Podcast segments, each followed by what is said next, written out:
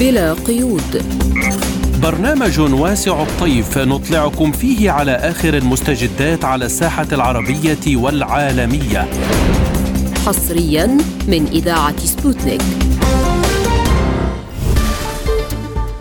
أهلا بكم مستمعينا الكرام في هذه الحلقة الجديدة من بلا قيود. تأتيكم من استديوهات سبوتنيك في موسكو وسنكون معكم فيها أنا محمد جمعة وأنا نغم كباس والبداية بأبرز العناوين. مرور شهر كامل على اندلاع الحرب على غزة. الإمارات تقرر إنشاء مستشفى ميداني في غزة. نظام كيف يشتكي من عدم تزويده بالأسلحة المطلوبة. القواعد العسكرية الأمريكية في العراق تتعرض لهجمات بطائرات مسلحة مسيرة انتحارية. لازلتم تستمعون إلى برنامج بلا قيود.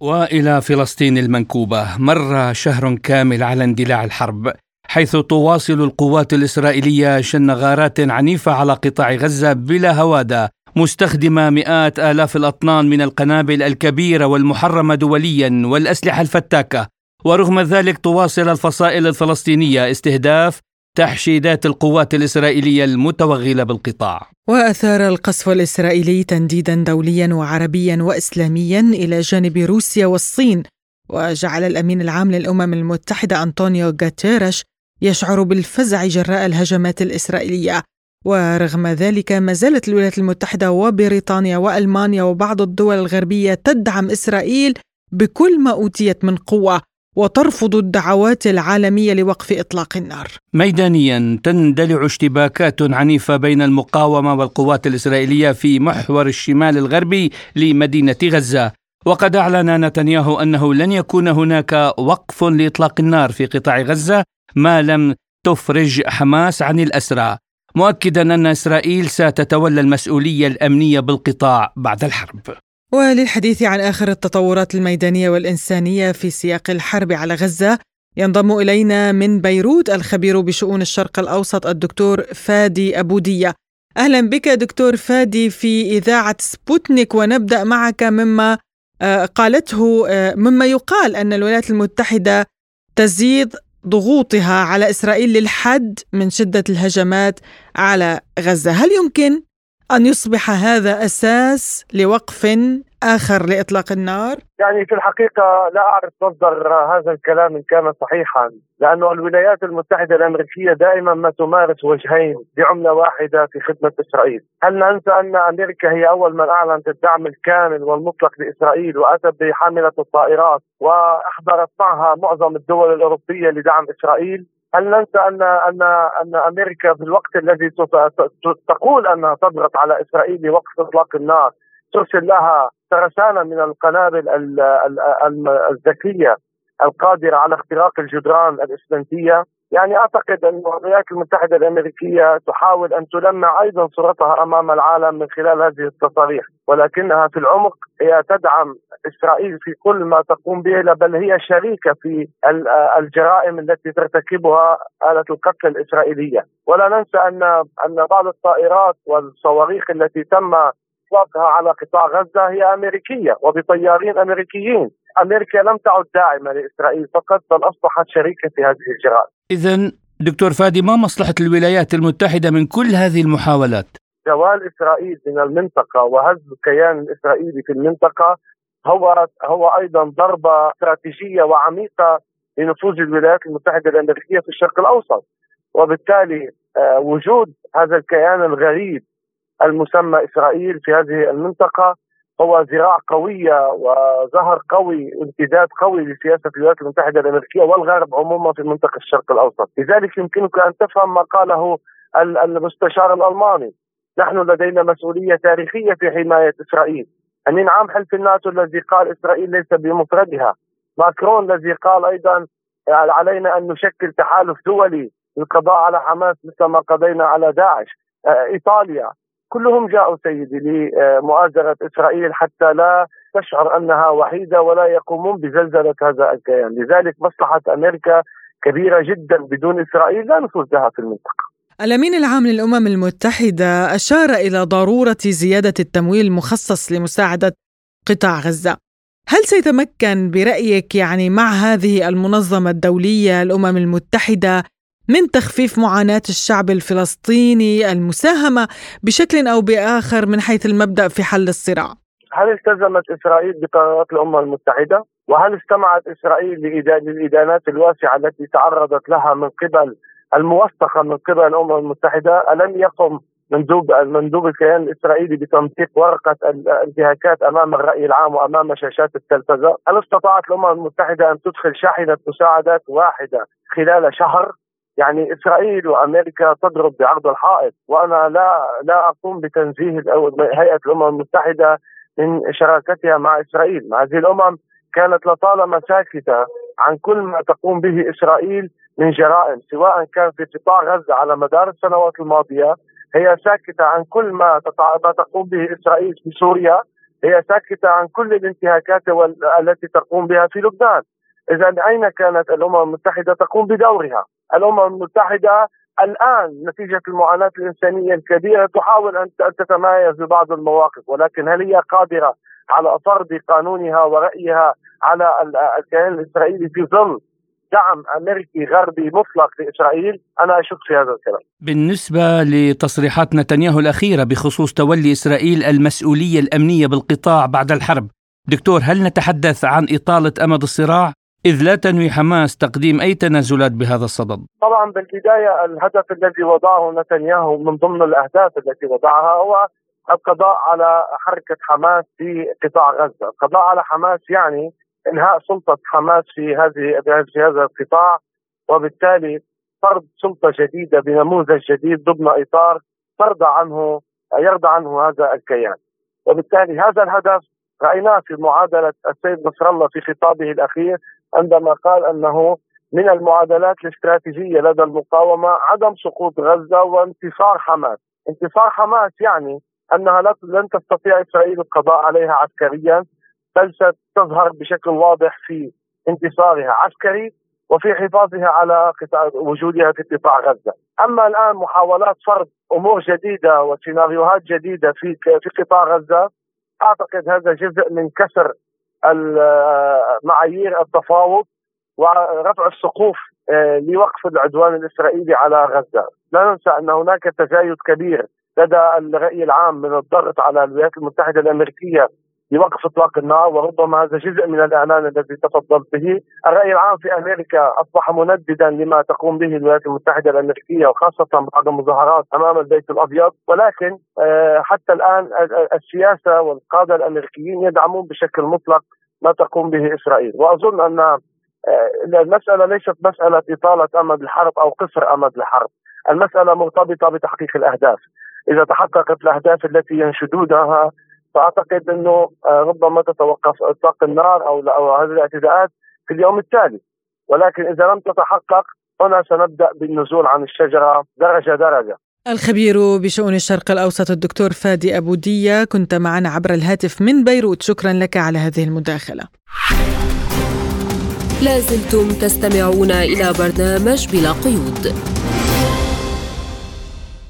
ونبقى في فلسطين في ظل الأزمة الإنسانية التي يعاني منها سكان غزة حيث أعلنت دولة الإمارات عن إقامة مستشفى ميداني متكامل داخل قطاع غزة بعد أن بدأت بتسيير جسر إغاثي جوي إلى مطار العريش المصري. كما انطلقت من مطار أبو ظبي الدولي خمس طائرات تحمل جميع المعدات والمتطلبات اللازمة لإقامة المستشفى الميداني وتشغيله حيث ستفرغ حمولتها في مطار العريش في جمهورية مصر تمهيدا لنقلها إلى داخل قطاع غزة. وللحديث أكثر عن هذا الموضوع ينضم إلينا عبر الهاتف الكاتب والمحلل السياسي ورئيس مؤسسة فيميد للإعلام الأستاذ إبراهيم المدهون. أهلا بك أستاذ إبراهيم في بلا قيود يعني نبدأ من هذه المبادرة من قبل الإمارات بإنشاء مستشفى ميداني. هل يمكن لدول أخرى في المنطقة أن تفعل أيضا ذلك لزيادة المساعدات لسكان القطاع خاصة وأن وزيرة الصحة الفلسطينية يعني طالبت العالم والمجتمع الدولي بإنشاء آه، هذه المشافي المشافي الميدانية؟ الآن أي عمل إغاثي في قطاع غزة هو مرحب فيه ولكن يجب أن ينصب العمل العمل الدولي والعمل العربي على وقف العدوان. اليوم وقف العدوان يمنع أي عملية إغاثة. هناك قتل مستمر. هناك عملية إبادة. آه، لهذا وقف الإبادة الآن أولوية. لكن أي عملية إغاثة يجب أن تكون سريعة. في ثلاث آه، في ثلاث وسائل. اولا الإغاثة الطبية الإغاثة الإغاثي آه، يعني الإغاثة الاكل والشرب وأيضا الإغاثة في حماية المدنيين. هناك ثلاث أمور يجب أن نتأكد عليهم. مستلزمات الحياة من طعام و وأكل وشرب وأمن، الأمر الثاني الأمر الثاني الإغاثة الطبية، الأمر الثالث الإغاثة إغاثة آه، حماية المدنيين، هذه الأمور يجب أن تكون سريعة. وباعتقادي أن الآن الباب مفتوح، الدول يجب أن تتصارع وتتدافع من أجل ذلك وتفرض على الاحتلال الإسرائيلي، لا الدول لها ثقلها لكن لم تستخدم هذا الثقل حتى اللحظة من أجل حماية الفلسطينيين وإغاثتهم. طيب مع إقامة هذا المستشفى هل سيتم السماح بنقل الجرحى إليه برأيك؟ الاحتلال الإسرائيلي الآن يمنع كل شيء ولهذا يجب وقف العدوان. يعني أثناء العدوان لا الاحتلال يضرب المستشفيات يضرب الفرق الطبية يضرب الإسعافات والطوارئ كل شيء مستباح. ولهذا قلنا أنه من أجل إنجاح أي مشروع إغاثي من أجل إنجاح أي مستشفى إن كان ميداني. غير ميداني يجب أن يكون هناك عمل على وقف العدوان وإجبار الاحتلال الإسرائيلي على ذلك. نعم يعني الولايات المتحدة أيضا أستاذ إبراهيم وفرنسا تتلمسان من اليونان قبول مئة ألف لاجئ فلسطيني. وأيضا تحدثوا مع تركيا. أه، هل يدل هذا على نفاق الغرب الذي يحاول تحويل المسؤولية كاملة إلى دول أخرى؟ يعني تركيا قالت لم نسمع بهذا الكلام يعني لا يريدون أبدا استقبال لاجئين من فلسطين. لا هو الخطة الإسرائيلية هو تهجير الشعب الفلسطيني. الشعب الفلسطيني لا يريد أن يتهجر يريد أن يبقى في بلاده. ولهذا الاحتلال الإسرائيلي اليوم مع الولايات المتحدة الاحتلال الإسرائيلي والولايات المتحدة هدفهم تهجير الشعب الفلسطيني. الشعب الفلسطيني رفض ذلك. هم يقومون الآن وكأن العملية ستسير بسهولة. هم عرضوا على مصر التهجير آه، رفضت والشعب الفلسطيني رفض. اليوم يحاولون إظهار وكأن الأمر طبيعي فقط يريدون أن يجدوا مكانا للمهجرين، لا هناك رفض فلسطيني قاطع من عملية التهجير والاحتلال الإسرائيلي إلى اللحظة لم يحسم في قطاع غزة، صحيح أن العملية ما زالت يعني في منتصفها والاحتلال قد يهزم أصلا وقد يكون هناك معادلات جديدة، هم الآن يناقشون أشياء أعتقد من المبكر الحديث عنها، إسرائيل أظهرت أنها تستطيع أن تقتل، تستطيع أن تدمر، تستطيع أن تبيد وذلك بدعم الولايات المتحدة الأمريكية ولانها فوق القانون الدولي ولا تأبه بالقانون الدولي ولا تأبه بالمؤسسات الدولية ولهذا يجب أن يكون هناك دور للقانون الدولي وللمؤسسات الدولية وعلى رأس الأمم المتحدة من أجل إيقاف عمليات الإبادة وإيقاف العمليات النازية للهولوكوست التي تتم تتم في قطاع غزة. الولايات المتحدة وإسرائيل تناقشان هدنة إنسانية في غزة، هل يمكن القول بأن موقف واشنطن يشهد تغيرات؟ ولا شك إنه هناك بداية تغير في في الموقف الأمريكي، لكن هذا التغير ما زال في إطار المناورة. لم لم يترجم إلى آه، قرارات عملية أو مواقف عملية. ما زالت آه، ما زالت واشنطن يعني تعزز حضورها العسكري. يعني قبل أيام هي أحضرت آه، غواصات نووية. ما زالت تمد الاحتلال الإسرائيلي بجسر جوي بالقذائف والذخائر واسلحه ما زال الخبراء الأمريكان يشاركون نظرائهم الإسرائيليين في قتل وإبادة الشعب الفلسطيني، هناك تغير لكن هذا التغير إعلامي وضمن المناورة، ولهذا حتى اللحظة الاحتلال الإسرائيلي يأخذ مزيدا من الوقت من أجل الإبادة والقتل.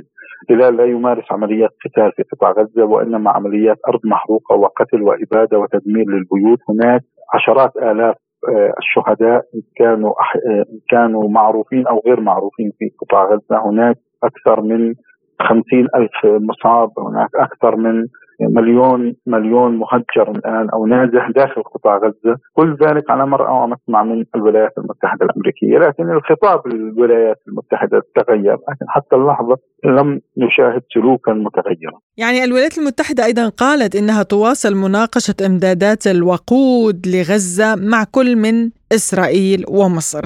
لماذا يتأخر هذا الموضوع؟ برأيك مع تفاقم الوضع الإنساني إلى أقصى الحدود؟ هذه ضمن المناورات التي تقودها الولايات المتحدة الأمريكية لتخدير الرأي العام الدولي ولتخدير الرأي العام الإنساني ولمحاولة إظهارها وأنها تحاول أن تخفف من الأزمة الإنسانية ولكن هي في هذا في هذه اللحظة تمنح الاحتلال الإسرائيلي مزيدا من الوقت للحصار والقتل والتدمير وللأسف المعاناة الإنسانية تتفاقم كل ثانية وليس كل دقيقة أو كل ساعة، كل ثانية. هناك شهداء، هناك من يقتلون تحت الأنقاض، هناك من يقتلون داخل المستشفيات بسبب نقص الدواء، وهناك أيضا آه، من آه، لا يستطيعون المضي قدما في أي آه، أو نحو أي مستلزم من مستلزمات الحياة، وكل ذلك بسبب الحصار القائم وبسبب عملية الإبادة وأيضا مع هذه المناورات الإعلامية التي تظهر وكأن هناك حراكا إنسانيا ولكن هو في الحقيقة حراكا لمزيدا من الوقت للقتل وللتضييق. الكاتب والمحلل السياسي رئيس مؤسسة في ميد للإعلام الأستاذ إبراهيم المدهون كنت معنا ضيفا عزيزا في برنامج بلا قيود. لازلتم تستمعون إلى برنامج بلا قيود. وإلى الشأن الأوكراني حيث ربط رئيس لجنة الدوما للشؤون الدولية الروسي ليونيد سلوتسكي الصراعات الأوكرانية والشرق أوسطية بسياسة الولايات المتحدة قائلا. إن الصراعين الفلسطيني الإسرائيلي وأيضا الأوكراني لهما جذور مشتركة لارتباطهما برغبة الولايات المتحدة وحلفائها في فرض مصالحها بغض النظر عن الدول الأخرى في حين أن الغرب نفسه الآن على وشك الإفلاس الأخلاقي. جاء ذلك تعليقا على تصريحات الممثل الأعلى للاتحاد الأوروبي للشؤون الخارجية والسياسية الأمنية جوزيف بوريل الذي اعتبر أن الصراع في الشرق الأوسط قد أصبح أكثر تعقيدا أصبح الفشل السياسي للغرب. وأشار سلوتسكي إلى أن السياسي الأوروبي من غير المرجح أن يكون لديه الشجاعة لإدراك الأسباب الحقيقية لزعزعة الاستقرار وليس فقط في تلك المنطقة ووفقا له فإن الأكاذيب والسخرية والاستعمار الجديد والمعايير المزدوجة سيئة السمعة ستؤدي عاجلا أم اجلا إلى إسقاط قيام العالم القديم. ميدانيا أفاد المراسل المستقل بافل كوكوشكين ان أن الهجوم المضاد الأوكراني في اتجاه زاباروجيا توقف وفي الوقت الحالي يهاجم الجيش الروسي في منطقة رابوتينو. Я вот накануне вернулся из-под لقد عدت للتو من محيط رابوتينو حيث قمت بزيارة أبطال الدبابات في الفوج 291 التابع لجيش الحرس الثامن والخمسين الذين مع رفاقهم من التشكيلات الأخرى يقومون بالدفاع في زابروجيا هذا الدفاع الذي يرتبط بالهجمات المضادة المستمرة من قبل العدو لذلك يمكن ان يسمى هذا الدفاع بشكل مشروط لقد كنا نشيطين هناك في الآونة الأخيرة. هناك هجوم مضاد قد توقف في اتجاه زابوروجيا وتهدف عملية أفدييفكا الهجومية أيضا إلى إيقاف قصف المدن المسالمة. ليس فقط دونيسك وهذا يشمل ماكيفكا وياسينوفاتايا وجولوفكا. لدينا هنا عملية هجومية تجري في الوقت الحالي. لقد انخفضت شدة القصف من جانب القوات المسلحة الأوكرانية وهذا على وجه التحديد نتيجة لعملياتنا الهجومية. لأن القوات المسلحة الأوكرانية مضطرة الآن إلى سحب جزء من مدفعياتها الإرهابية التي كانت تقصف دونيتسك منذ تسع سنوات ونصف من أجل التصدي لهجومنا. ولمناقشة هذا الموضوع ينضم إلينا عبر الهاتف الخبير بالشأن الروسي ومدير مكتب الميادين في روسيا الدكتور مسلم شعيتو أهلا بك دكتور في برنامج بلا قيود. أهلا وسهلا أهلا فيكم وفي المستمعين. يا أهلا بك. يعني نبدأ من ما قاله رئيس لجنة مجلس الدوما للشؤون الدولية ليونيد سلوتسكي بأن الصراع في أوكرانيا وفي الشرق الأوسط هو مرتبط بالسياسة الأمريكية. يعني هل نتوقع أن الولايات المتحدة اليوم تحاول إشعال جبهات جديدة بالإضافة لهاتين الجبهتين يعني للتغطية على إخفاقاتها؟ يعني كما قال أيضا الرئيس بوتين أن المشكلة الأساسية في الشرق الأوسط هي سياسة الولايات المتحدة التي تسعى إلى تأجيج هذا الصراع كما فعلت في أوكرانيا وهم يرون في آه، الشرق الأوسط فرصة للتعويض عما قد يختارونه في أوكرانيا قريبا. وبالتالي هذه الحشود في منطقة الشرق الأوسط إن كانت هي ضغطا سياسيا آه، واضحا لكنها أيضا تعد العدة للتدخل في بعض الدول أو لزيادة الدمار والقتل في منطقة الشرق الأوسط. هم يرون ويعرفون أن إسرائيل لم تعد قادرة على حماية مصالح الولايات المتحدة آه، في الشرق الأوسط ولذلك سيتدخلون بشكل مباشر ويزيدون من تواجدهم العسكري. وإذا اضطر الأمر سيلجؤون إلى القوة العسكرية، هذا ما يخططون له، هل يستطيعون ذلك؟ هذا مرتبط بموازين القوى حتى الآن حتى الآن مشروعهم في غزة فشل. فكيف إذا كان في مناطق أخرى؟ نعم سيكون هناك دمار دمار واسع.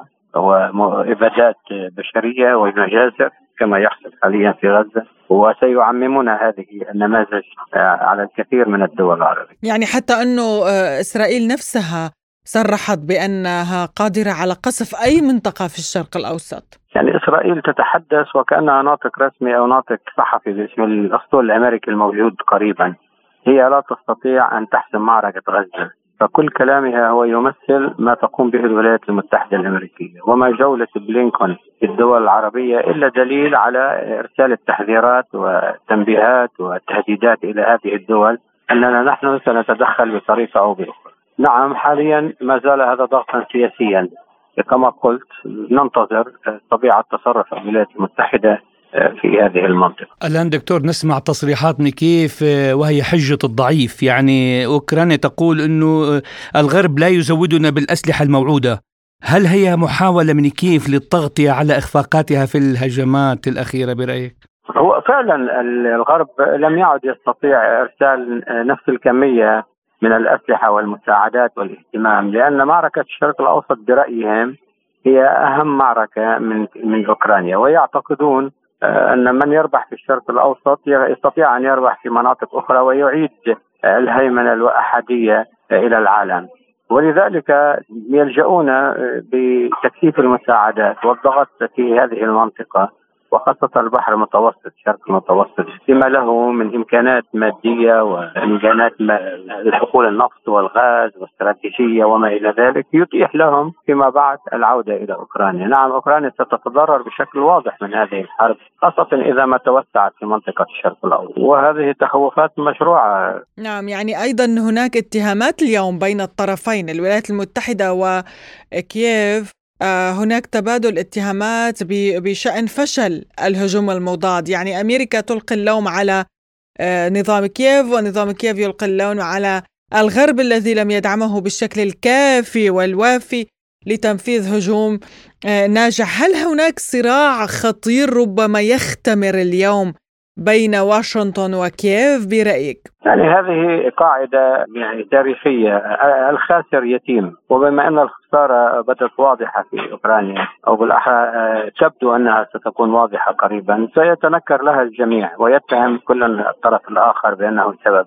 نعم هذا التخوف الأوكراني مشروع لأنهم فشلوا على مدى خمسة أشهر من تحقيق أي تقدم بالعكس تماما الخسائر كبيرة والمعنويات منخفضة. والوضع الاقتصادي سيزداد تدهورا نتيجة لتخفيض المساعدات آه، وبالتالي سيتهمون الغرب بأنه ورطهم في هذه الحرب وتخلى عنهم والغرب سيتهمهم بأنهم وعدوا بحسم المعركة خلال أشهر ولم يستطيعوا. فهذه طيب ورطهم يعني ورطهم الغرب. اليوم كيف يمكن الخروج من هذه الورطة؟ لا خروج من هذه الورطة. هذه الورطة واضحة تماما نتائجها حسم المعركة العسكرية لصالح روسيا. لكن الولايات المتحدة لا ترى ذلك كارثيا إذا ما استفادت أو نجحت في الشرق الأوسط. وبالتالي هي لا يعينها لا تعير اهتماما كبيرا لما تقوله القيادة الأوكرانية. نعم ستتهمهم بالفساد وبالسرقة وهم يعدون العدة للهروب من أوكرانيا بالمناسبة. لكن الولايات المتحدة خطتها مختلفة عما هم يفكرون به. هم يفكرون في أوكرانيا فقط تحديدا ولكن الولايات المتحدة تفكر بعودة هيمنتها على العالم عبر الشرق الأوسط. هذا الخلاف فيما بينهم يعني على حساب آه، أوكرانيا سيكون تعزيز وجودها بالشرق الأوسط لأنه كما تعلم دكتور منذ فترة الولايات المتحدة بدأت تتراجع كنفوذ في الشرق الأوسط. ولكن على ما يبدو اليوم مسألة قطاع غزة أعادت للولايات المتحدة نفوذها في المنطقة وأنه على حساب أوكرانيا. يعني التخفيف من الضغط من أوكرانيا. نعم الولايات المتحدة كانت تعتقد أن اتفاقات إبراهام واتفاقات السلام تعطي لإسرائيل دور الولايات المتحدة في الشرق الأوسط فشلت في ذلك أثبتت معركة واحدة في غزة لأن تلغي كل هذه الأوهام وهذه الأحلام الأمريكية. يعني إلى الآن دكتور إذا لاحظت أن الولايات المتحدة لم تقتنع بأنها غير قوية وهي يعني يعني اعتبر السفير الروسي في واشنطن أن الحوار مع الولايات المتحدة مستحيل طالما تتحدث من موقع قوة. يعني برأيك دكتور ما هو احتمال أن يظل قادة روسيا والولايات المتحدة قادرين على استئناف الحوار على قدم المساواة؟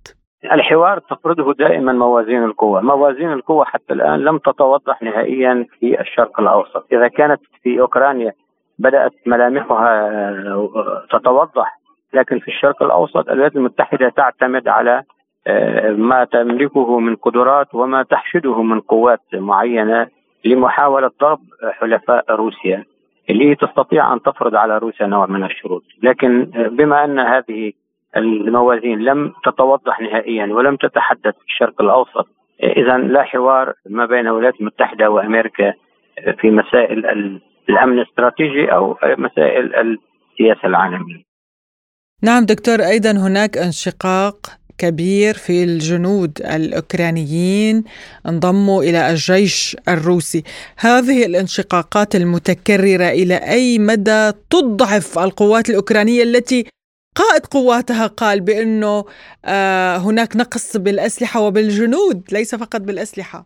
حكما ستضعف بشكل ملحوظ القوات الأوكرانية. وواضح تماما كما قلت الخسارة سيتنكر لها الجميع وسيحاول كل طرف الهروب من الخسارة باتجاه الرابح. وكيف إذا كان أغلب الجيش الأوكراني هو آه، ينتمي إلى العرق الروسي؟ آه، بالإضافة إلى أن ذلك تتحمل مسؤوليته أيضا روسيا لأنها لم تعمل مع المنظمات الاجتماعية هناك لم تعمل مع شرائح اجتماعية كبيرة كان يمكن أن تكون حليفة لروسيا. آه، تركوا الأمور كما هي استطاعت الولايات المتحدة اللعب على قناعات وأفكار المواطنين في أوكرانيا.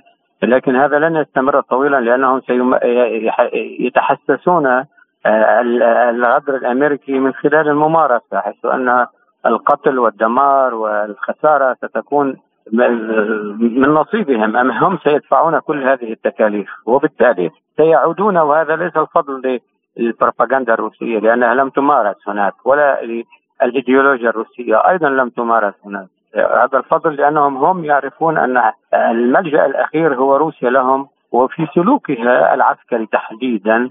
في أوكرانيا كان سلوكا انسانيا إذا ما إذا ما قارنا كيف تقوم الولايات المتحدة وإسرائيل في غزة، إسرائيل في غزة على مدى شهر دمرت عشر مرات ما كانت روسيا قد تعرضت له من آه، مراكز في أوكرانيا أو قتلت أيضا عشر مرات أكثر ما قتل. علما انه روسيا كانت تستهدف المواقع العسكرية بشكل مباشر وليس المدنية يعني. نعم روسيا لم تست...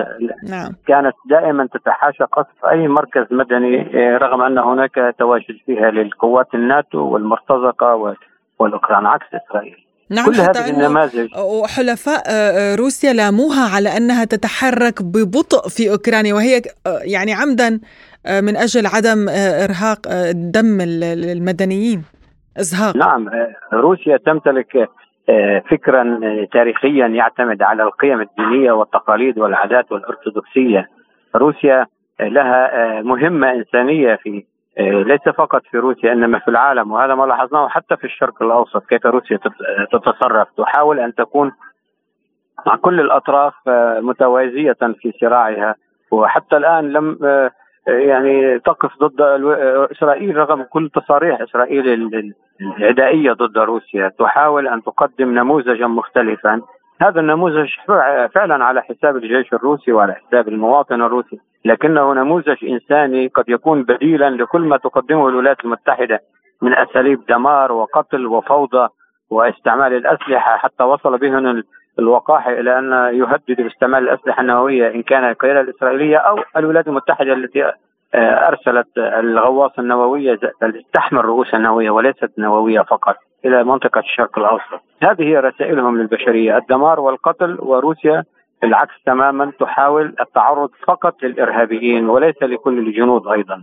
وهذا ما نلاحظه أيضا في سوريا وفي فلسطين ولاحظنا سابقا في أفغانستان.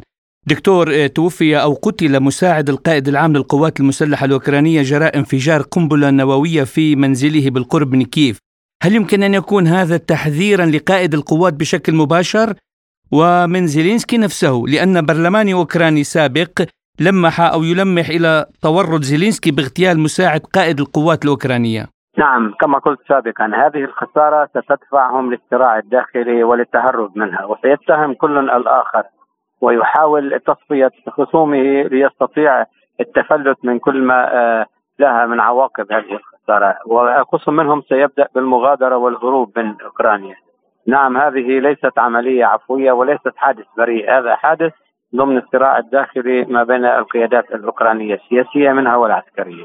يعني يمكن أن نشهد انقلابا ضد زيلينسكي اليوم وسائل الإعلام بشكل عام الغربية أو المحلية تقول بأنه هناك تلميحات واضحة من المسؤولين السابقين على أن آه، ربما انقلاب يحدث ضد زيلينسكي لأنه بدأ بالآونة الأخيرة كأيام الأخيرة لهتلر. يعني هم هكذا شبهوا الموضوع في وسائل الإعلام الغربية بأن آه، أيام الأخيرة لهتلر مشابهة جدا لأيام زيلينسكي. هل هو تحضير لانقلاب رسمي؟ هل الولايات المتحدة سئمت من شخصية زيلينسكي ربما تريد تغيير هذه الشخصية.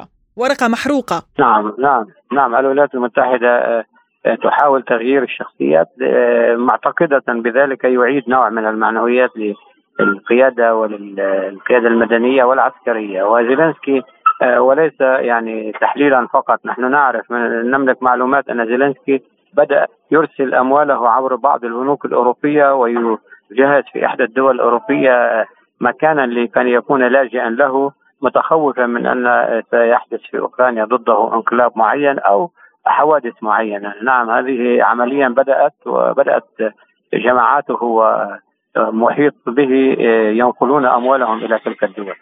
حتى تذمر شعبي كبير واضح جدا الآن في في أوكرانيا.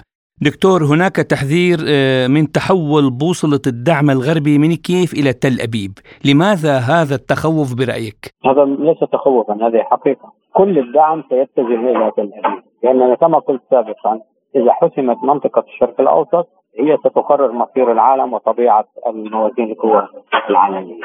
ونحن نلاحظ في غزة ليست فقط القوات الاستشاريه التي تقصد بالتعاون المباشر والوقح الأمريكي بكل ما تملك من قوة تساهم ضد غزة وتساهم بالضغط على كل الدول العربية دون استثناء للموافقة على مشروعها، مشروعها بإعادة خريطة المنطقة الشرق الأوسط دون الفلسطينيين في غزة دون الفلسطينيين في في الضفة الغربية ودون حزب الله في لبنان وهم يعدون العدة في لبنان أكثر من غيره من أجل البدء بأعمال إجرامية وقصف وقتل. كما حدث في الحروب السابقة سنة 82 أو 2006 لكن هذه خطتهم هل ينجحون فيها أو لا؟ هذه تعود إلى موازين القوى كما قلت سابقا التي حتى الآن ليست في صالحهم الشرق الأوسط حتى الآن. نعم دكتور أيضا اليوم روسيا أحبطت هجوما بالمسيرات عدد كبير من المسيرات على مناطق داخل روسيا. في الداخل الروسي أكثر من 17 مسيرة من أوكرانيا انطلقت. هل هذا يعني أن فشل الهجوم المضاد لم يبقي أي شيء بيد الأوكران سوى استهداف الأراضي الروسية عبر المسيرات؟ يعني هذا هو الخيار الأخير؟ آه، نحن نعرف تاريخ كل دولة تخسر أو كل جيش يخسر آه، يحاول آه، أن يلجأ إلى الإرهاب وإلى الأعمال الإرهابية. فحكما ننتظر من أوكرانيا أن تلجأ وتوسع الأعمال الإرهابية إن كان عبر المسيرات أو عبر المتفجرات. وليس فقط في منطقة القرم إنما في مناطق مختلفة حتى في المدن الكبرى. هذا هذه يعني متوقعة ويجب أن على الحكومة الروسية وأعتقد تعرف والقوى الروسية أن آه، أوكرانيا ستلجأ إلى ذلك وهي لجأت بطريقة أيضا مختلفة. هي بدأت توزع المرتزقة عبر المنظمات الأمريكية في دول أخرى منها في سوريا وفي أفريقيا وحكما سيكون هناك في إسرائيل. لم يعد أمام مرتزق الأوكرانيين إلا أن آه، يمارسوا الأعمال الإرهابية كما تقول الولايات المتحدة في دول أخرى وفي المدن الروسية الداخلية نعم بالنسبة للانتخابات الرئاسية في أوكرانيا تم إلغاؤها طبعا بتواطؤ من واشنطن وانتهاك واضح لكل قيم الديمقراطية التي صدعوا رؤوسنا بها ما أسباب إلغاء زيلينسكي للانتخابات الرئاسية دكتور؟ واضح تماما هذه الانتخابات لن تكون لصالحه ستزيد الصراع الداخلي في أوكرانيا وتزيد المشاكل الداخلية التي هو ليس بحاجة لها حاليا. أيضا في الولايات المتحدة لا يرون ضرورة لتوتير الأوضاع الداخلية، هم يعتقدون أن زيلينسكي يستطيع أن يقدم أيضا ضحايا جدد لفترة معينة فليقدمها وهم وهم آه، لن آه، يحموا زيلينسكي من الخسائر البشرية التي وعدوه وأيضا ضغطوا عليه أنه أوقف الهجوم عبر الآليات والمدرعات ولكن الهجوم فقط بالمشاة يعني ليموت كل الجيش الأوكراني وهو وافق على ذلك وبدأ نحن لاحظنا في منطقة زفروجة الهجومات الأخيرة هي هجومات فقط بشرية رغم أن كلهم يذهبون ضحية اذا بالتالي بما أنه يمارس وينفذ الأوامر الأمريكية اذا فليبقى وتنتهي الديمقراطية وهم لا يعنوه لا يعنيهم. هذه الأنظمة الملكية والدكتاتوريه في كل العالم هم يحمونها ولا توجد انتخابات على مدى عقود هناك. مئة سنة لا توجد انتخابات عند حلفاء الولايات المتحدة في الكثير من الدول العالم وهم يدعمونها ويهللون هذه الدول يفضلون لها. الخبير بالشأن الروسي ومدير مكتب الميادين في روسيا الدكتور مسلم شهيت كنت معنا ضيفا عزيزا في بلا قيود. شكرا لك. شكرا شكرا. لازلتم تستمعون إلى برنامج بلا قيود. أعلنت فصائل المقاومة الإسلامية في العراق استهداف أربع قواعد أمريكية بست هجمات في سوريا والعراق حيث تعرضت قاعدة عين الأسد العسكرية الأمريكية غربي العراق لثلاثة هجمات متتالية. كما أفادت ما يسمى حركة المقاومة الإسلامية العراقية أن القوات الشيعية هاجمت قاعدة أمريكية شمالي المركز الإداري لمدينة أربيل في كردستان العراق ومنشأة عسكرية أمريكية وغربية للتحالف في بلدة التنف الحدودية السورية وقاعدتي تل البيدر والتنف جنوب سوريا. وفي السياق أعلن جهاز مكافحة الإرهاب في إقليم كردستان العراق أن ثلاث طائرات مسيرة هاجمت قاعدة حرير العسكرية للتحالف الدولي في أربيل تم تفجير اثنتين والثالثة سقطت دون أن تنفجر وللحديث أكثر عن هذا الموضوع ينضم إلينا من بغداد الخبير العسكري الاستراتيجي مدير مركز الاعتماد للدراسات السياسية والاستراتيجية اللواء ركن الدكتور عماد علو أهلا بك سيادة اللواء في برنامج بلا قيود وأسألك في سياق هذه الهجمات المتتالية على القواعد العسكرية الأمريكية في سوريا والعراق هل تندرج في سياق الرد على الحرب في غزة؟ بالتأكيد يعني هذه الهجمات هي كما أعلنت بيانات لعدد من الفصائل فصائل المقاومة الإسلامية بأن هذه الهجمات هي تستهدف آه، مصالح الولايات المتحدة والقوات الأمريكية في العراق وفي سوريا أيضا. بسبب مساندتها ودعمها ومشاركتها في العدوان آه، الإسرائيلي على آه، قطاع غزة. ولذلك في الأسبوع الماضي آه، تم الإعلان من قبل أحد قادة هذه الفصائل وهو أبو علي العسكري بأن هذا الأسبوع أو الأسبوع المقبل سيشهد مرحلة جديدة من التصعيد ضد القوات الأمريكية والموجودة في العراق وفي سوريا. وبالفعل لاحظنا أن هناك زيادة في آه، هذه العمليات يعني خلال ال 48 ساعة الماضية كان هناك أكثر من ستة عمليات استهدفت قواعد للقوات الأمريكية في العراق وفي سوريا. ما أهمية هذه المقاومة برأيك يعني وهل ستتمكن من إخراج القوات الأمريكية من المنطقة في نهاية المطاف؟ لا طبعا هذا موضوع يعني آخر بالحقيقة يتعلق باتفاقات وتفاهمات بين الحكومة العراقية الموقف الرسمي ما نقصد الحكومة العراقية وبين آه، الإدارة الأمريكية من خلال اتفاق اتفاقية الإطار الاستراتيجي والاتفاقية الأمنية وكذلك مخرجات الحوار الاستراتيجي الذي جرى بين آه، العراق والولايات المتحدة بموجبه تحتفظ الولايات المتحدة بما يقارب 2500 عسكري لأغراض الاستشارة والتدريب كما هو معلن يعني في التصميم الصادرة عن الطرفين إضافة إلى قوات تحالف أخرى من الدول الاوروبيه آه، تشترك فيما يسمى بقوى التحالف الدولي للحرب تنظيم داعش الارهابي. سيادة اللواء ماذا لو استمرت الإدارة الأمريكية في تعزيز حضورها العسكري؟ كيف سينعكس ذلك على الشعبين السوري والعراقي؟ بالحقيقة هو هذا الأمر واقع حاليا يعني أن هناك انتشار وتعزيز غير مسبوق منذ الاحتلال الأمريكي للعراق للقوات الأمريكية في المنطقة لدينا حاملتي طائرات جيرالد فورد وأيزنهاور مع مجموعات الحماية لهذه الحاملات، أيضا لدينا مجموعة الإنزال الهجوميه باتان. أيضا جاءت من البحر الأحمر وانضمت إلى هذه الحاملات في شرق المتوسط، لدينا حاملة الطائرات ومجموعة الحماية في الأسطول الخامس الأمريكي المتمركزة في بحرين الخليج العربي رومان. وهذه القوات تقدر لحد الآن بأكثر من 31 سفينة حربية من طراد إلى مدمرة وإلى سفن أبرار، إضافة إلى أن الولايات المتحدة الأمريكية قامت بنقل ثلاث معسكرات من قواعد السيليه الرئيسيه والجنوبي وأيضا مركز الدعم اللوجستي في قطر إلى الأردن وتم توزيعها على 14 قاعدة. في المنطقة. وهذا الحشد الكبير من القوات أيضا تم تعزيزه ب 3000 جندي وطائرات F 16 F 18 و A ten التي لا تدفع إلى منطقة إلا لأغراض المشاركة في عمليات ضربة أو عمليات قتالية. وهذا كله يثير بالتأكيد قلق دول المنطقة ويهدد الأمن والاستقرار في منطقة الشرق الأوسط وبالتالي هناك قوة ردع وهناك تحفظ لاستخدام صواريخ الكروز التي تحملها القطع البحرية الأمريكية بكثرة تقريبا أكثر من 300 صاروخ كروز. ممكن أن توجه بها ضربات إلى مقرات آه، فصائل المقاومة الإسلامية في العراق في سوريا وحتى قد يكون في إيران. فمن ممكن نقول إحنا ممكن أن يتم استخدام السلاح أو القدرات النارية للقوات الأمريكية آه، المتحشده في المنطقة للرد على آه، تعرضات وهجمات آه، قطاع المقاومة الإسلامية في حالة استمرار العدوان الإسرائيلي على قطاع غزة وتصاعد التوتر في المنطقة وهذا بالتأكيد يثير قلق دول المنطقة بشكل كبير ويهدد الأمن والاستقرار في منطقة الشرق الأوسط.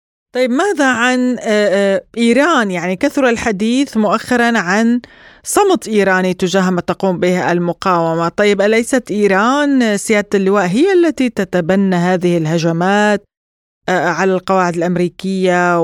ألم تتبنى كل حالات أصلا الدعم للفصائل الفلسطينية وغيرها يعني المقاومة بشكل عام؟ نعم هي الجمهورية الإسلامية تتبنى أو تدعم أو تقدم الإسناد والدعم المادي والمعنوي لفصائل المقاومة الإسلامية في العراق في سوريا في لبنان في اليمن وهذا لم يعد خافيا وهناك تصريحات رسمية عفوا بهذا الصدد من قبل القيادات الرسمية الايرانيه لكن إيران كموقف رسمي كدولة هي آه، تحاول الالتزام بالقانون الدولي وبموقف متوازن آه، من الأحداث يوجه أصابع الاتهام إلى الولايات المتحدة الأمريكية وإلى الغرب آه، مثل الاتحاد الأوروبي لخرقهم ول آه، لخرقهم المعاهدات الدولية بما يتعلق بالقانون الدولي الانساني وأيضا اتفاقيات جنيف. وهذا هذه المواقف بالحقيقة وازدواجيه المعايير التي ظهرت بشكل واضح في مواقف الولايات المتحدة الأمريكية والدول الغربية. يصب في مصلحة الموقف الإيراني بالتالي. وبالتالي هي تعتقد أن بقائها بعيدا عن آه، جعجعة السلاح والاشتباكات العسكرية واستخدام هذه المسألة كناحية إعلامية سيعزز من موقفها في أي مفاوضات أو موقفها على الصعيد آه، الدولي. لا سيما أنها كانت تعاني من عزلة اقتصادية الآن تم السماح لها بمعاودة التصدير والنفط وعاده آه، الأمور طبيعية بالنسبة لإيران.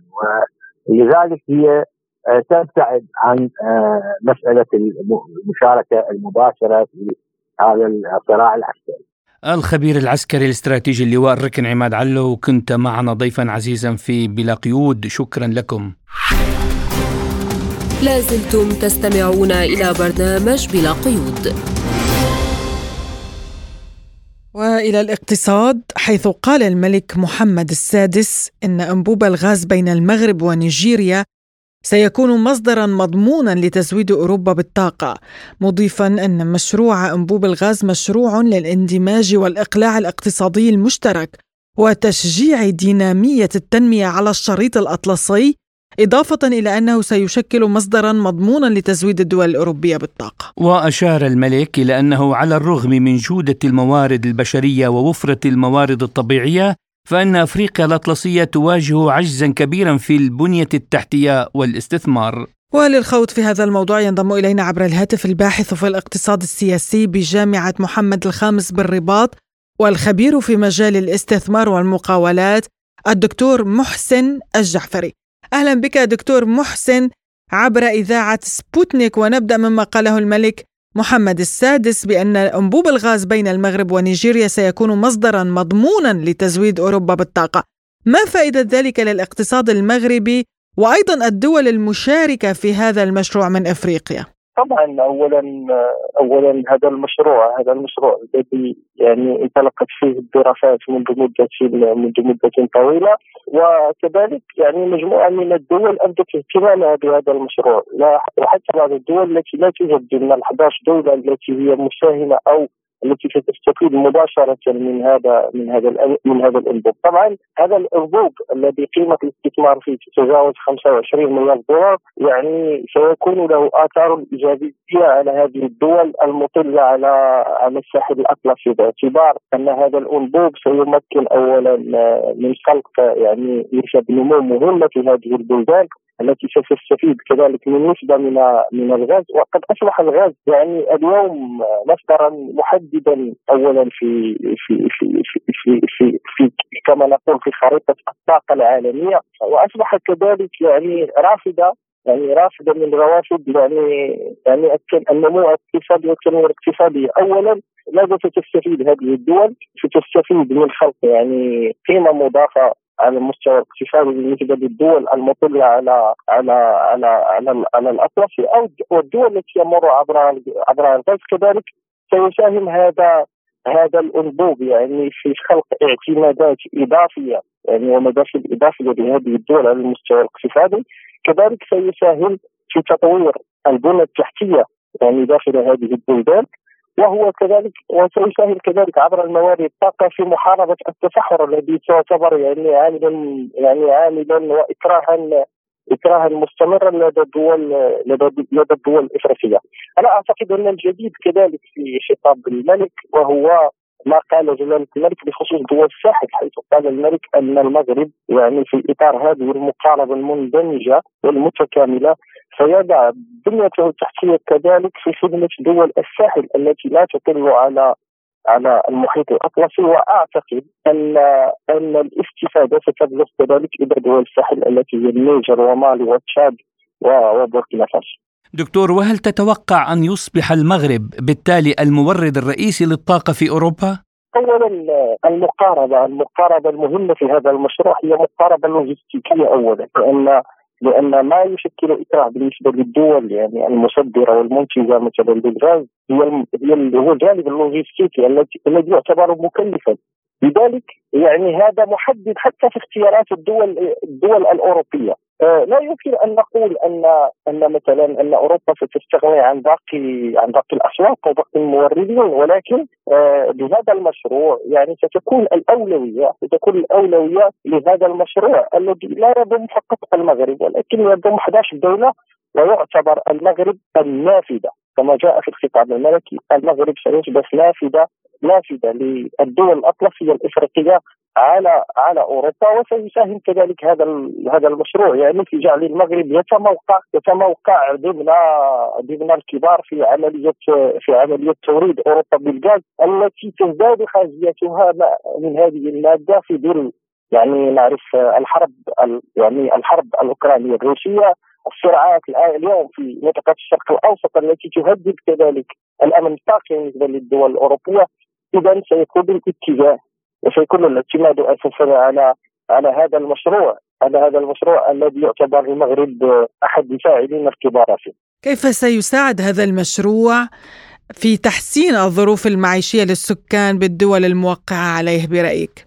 طبعا طبعا يعني عندما نتكلم عن استثمار هناك قاعدة في الاقتصاد تقول أنه الاستثمار ينتج الثروة والاستثمار ينتج النمو وعندما نقول أن هذا المشروع سيتم اعتماد 25 مليار دولار في هذا المشروع فهذا يعتبر استثمار كبير ومهم لهذه الدول. أول أول أول استفادة ستكون يعني فيما يخص يعني نسبة النمو وكذلك كما نقول يعني الآثار المترتبة عن إنجاز هذا المشروع في هذه الدول، هناك مجموعة من المقاولات في هذه الدول ستشتغل، هناك فرص شغل جديدة سيتم خلقها، هناك انتاجيه يعني انتاجيه، هناك تطوير للبنية الصناعية، العديد من الدول تحتاج للطاقة لتطوير بنيتها الصناعية، المغرب اليوم كذلك سأتحدث هنا عن المغرب وكمثال، المغرب اليوم هو في في طور إنجاز يعني اكبر احد أكبر الميناءات يعني في إفريقيا ربما ضمن من أكبر الميناءات في العالم على مستوى مدينة الداخلة الميناء الأطلسي المتوسطي اضف إلى ذلك سيتم خلق منطقة صناعية بجانب الميناء. وعندما تتمر يعني سيمر أنبوب الغاز من موريتانيا إلى المغرب يعني فإنه سيخلق يعني حركية اقتصادية وتنمية اقتصادية في هذه المنطقة وربما آثاره كذلك ستمتد كما قلت سابقا حتى إلى دول إلى دول الساحل التي التي دعاها المغرب إلى إلى الانخراط وإلى الاندماج في هذه المقاربة. هذه المقاربة الواسعة وهذه المقاربة الكبرى لخلق التنمية في هذه المنطقة وربما أعتقد أن هذا يعني هذا المشروع سيخلق ثروة ثورة ثورة صناعية ثورة صناعية في في منطقه في منطقة الساحل الأطلسي الافريقي. دكتور تتحدث عن ثورة صناعية، هل يمكن أن نكون أمام اقتصاد موحد ومدمج بين اقتصادات تلك المنطقة برأيك؟ طبعا يعني جاء هذا في خطاب في خطاب الملك. يعني الملك قال صراحة أن أن أن الأمر لا يقتصر فقط يعني التفكير يعني لا يقتصر فقط على 11 دولة وإنما امتد إلى 23 دولة كلها مطلة على المحيط الأطلسي وقال الملك أننا يجب أن نفكر يعني في في إطار مؤسساتي يعني يجمع هذه الدول ويكون ويكون هذا ويكون هذا الاندماج ويكون هذا التصور يعني مرتبطا اولا بالتوجه نحو بالتوجه نحو أوروبا يعني بالتوجه نحو السوق الأوروبية ويكون كذلك بالتوجه نحو السوق الأمريكية.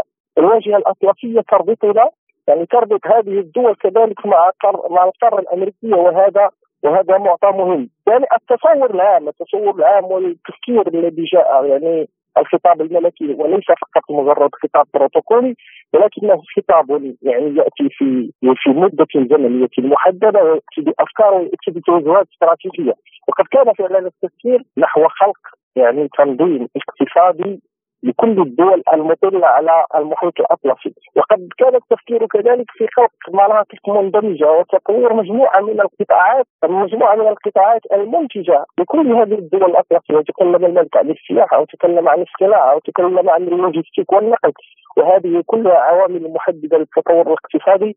وأعتقد ان ان أن الإكراهات الاقتصادية اليوم الاكراهات الاقتصادية وخصوصا دروس ما بعد مرحلة كورونا يعني أصبحت محددة واصبحت وأصبحت دافعة نحو نحو التفكير الجماعي وليس التفكير الفردي وهو ما جعل الملك يعني يتوجه بخطاب يقول يقول فيه بأنه منفتح على توفير البنيه التحتيه التي تتوفر عليها المملكة.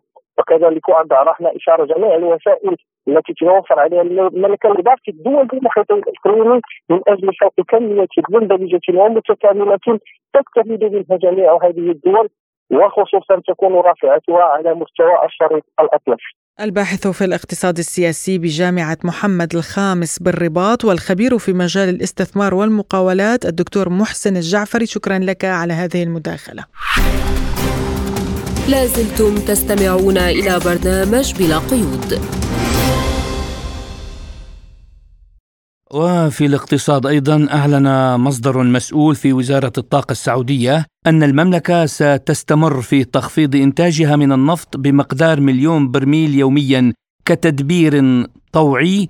بدأ تنفيذه في يوليو تموز الماضي 2023 حتى نهاية ديسمبر كانون الأول 2023 وبذلك سيبلغ إجمالي إنتاج المملكة في ديسمبر 2023 نحو تسعة ملايين برميل يوميا. وأشار المصدر إلى أنه ستتم مراجعة هذا القرار في الشهر المقبل للنظر في تمديد التخفيض أو زيادته أو زيادة الإنتاج مؤكدا أن هذا التخفيض يأتي كإجراء إضافي إلى تخفيض سابق أعلنته المملكة في أبريل الماضي. وأوضح المصدر أيضا أن هذا التخفيض الإضافي يهدف إلى دعم استقرار أسواق النفط والمساهمة في توازنها كجزء من الجهود الاحترازية التي تبذلها دول أوبك بلس. وللمزيد حول هذا الموضوع ينضم إلينا عبر الهاتف الخبير الاقتصادي والنفطي الدكتور همام الشماع. أهلا بك دكتور همام في برنامج بلا قيود يعني المملكة إذن تواصل خفضا طوعيا إضافيا لإنتاج النفط بمقدار مليون برميل يوميا حتى نهاية الشهر المقبل أو يعني السنة الجارية كيف سيؤثر ذلك برأيك على سوق الطاقة العالمية على رفع أسعار النفط؟ المملكة العربية السعودية تتحسس الآن أوضاع السوق النفطية وتتحسس إلى جانب ذلك الأوضاع السياسية. ربما تحاول أن تمارس بعض الضغط على الدول التي تؤيد إسرائيل في عدوانها على غزة. وأيضا تقف بعض الشيء ايجابيا مع روسيا التي تكاد تصبح حليفة للدوله العربية السعودية. من خلال الضغط على السوق النفطيه التي ستؤدي إلى ارتفاع التكاليف في الحرب الأوكرانية ولذلك يعني هذا التخفيض الطوعي إلى نهاية أكتوبر إلى نهاية ديسمبر سيكون له تأثير واضح على السوق بحيث سترتفع الاسعار. أما إذا تبعتها روسيا في نفس الاتجاه فمعنى ذلك أن السوق النفطيه ستشهد ارتفاع حاد جدا يضر بمصالح الولايات المتحدة والدول الغربية التي وقفت موقفا غير مشرف تجاه الشعب العربي الفلسطيني. وهل سيؤثر ذلك على اقتصاد المملكة نفسها؟ والله الحقيقة إلى جانب والأهداف السياسية المملكة العربية السعودية تقوم بتمارين اقتصادية بمعنى أنها تمرن نفسها على خفض نسبة مساهمة النفط في تكوين الناتج المحلي السعودي. نجحت المملكة إلى حد كبير في رفع إنتاجية القطاعات غير النفطية ورفع مساهمتها باستثناء القطاع السياحي تطور القطاع الزراعي تطور القطاع الصناعي بشكل كبير في المملكة العربية السعودية الآن يعني نسبة مساهمة قطاع النفط في تكوين الناتج المحلي الإجمالي للمملكة لم تعد كما كانت في السابق أصبحت نسبة معقولة وبالتالي يعني تخفيض مليون برميل من الإنتاج. يعني قد لا يكون بأكثر من 10% لن يؤثر على الاقتصاد السعودي. لأن ارتفاع أسعار النفط قد يعوض المملكة عن النقص في قيمة المبيعات.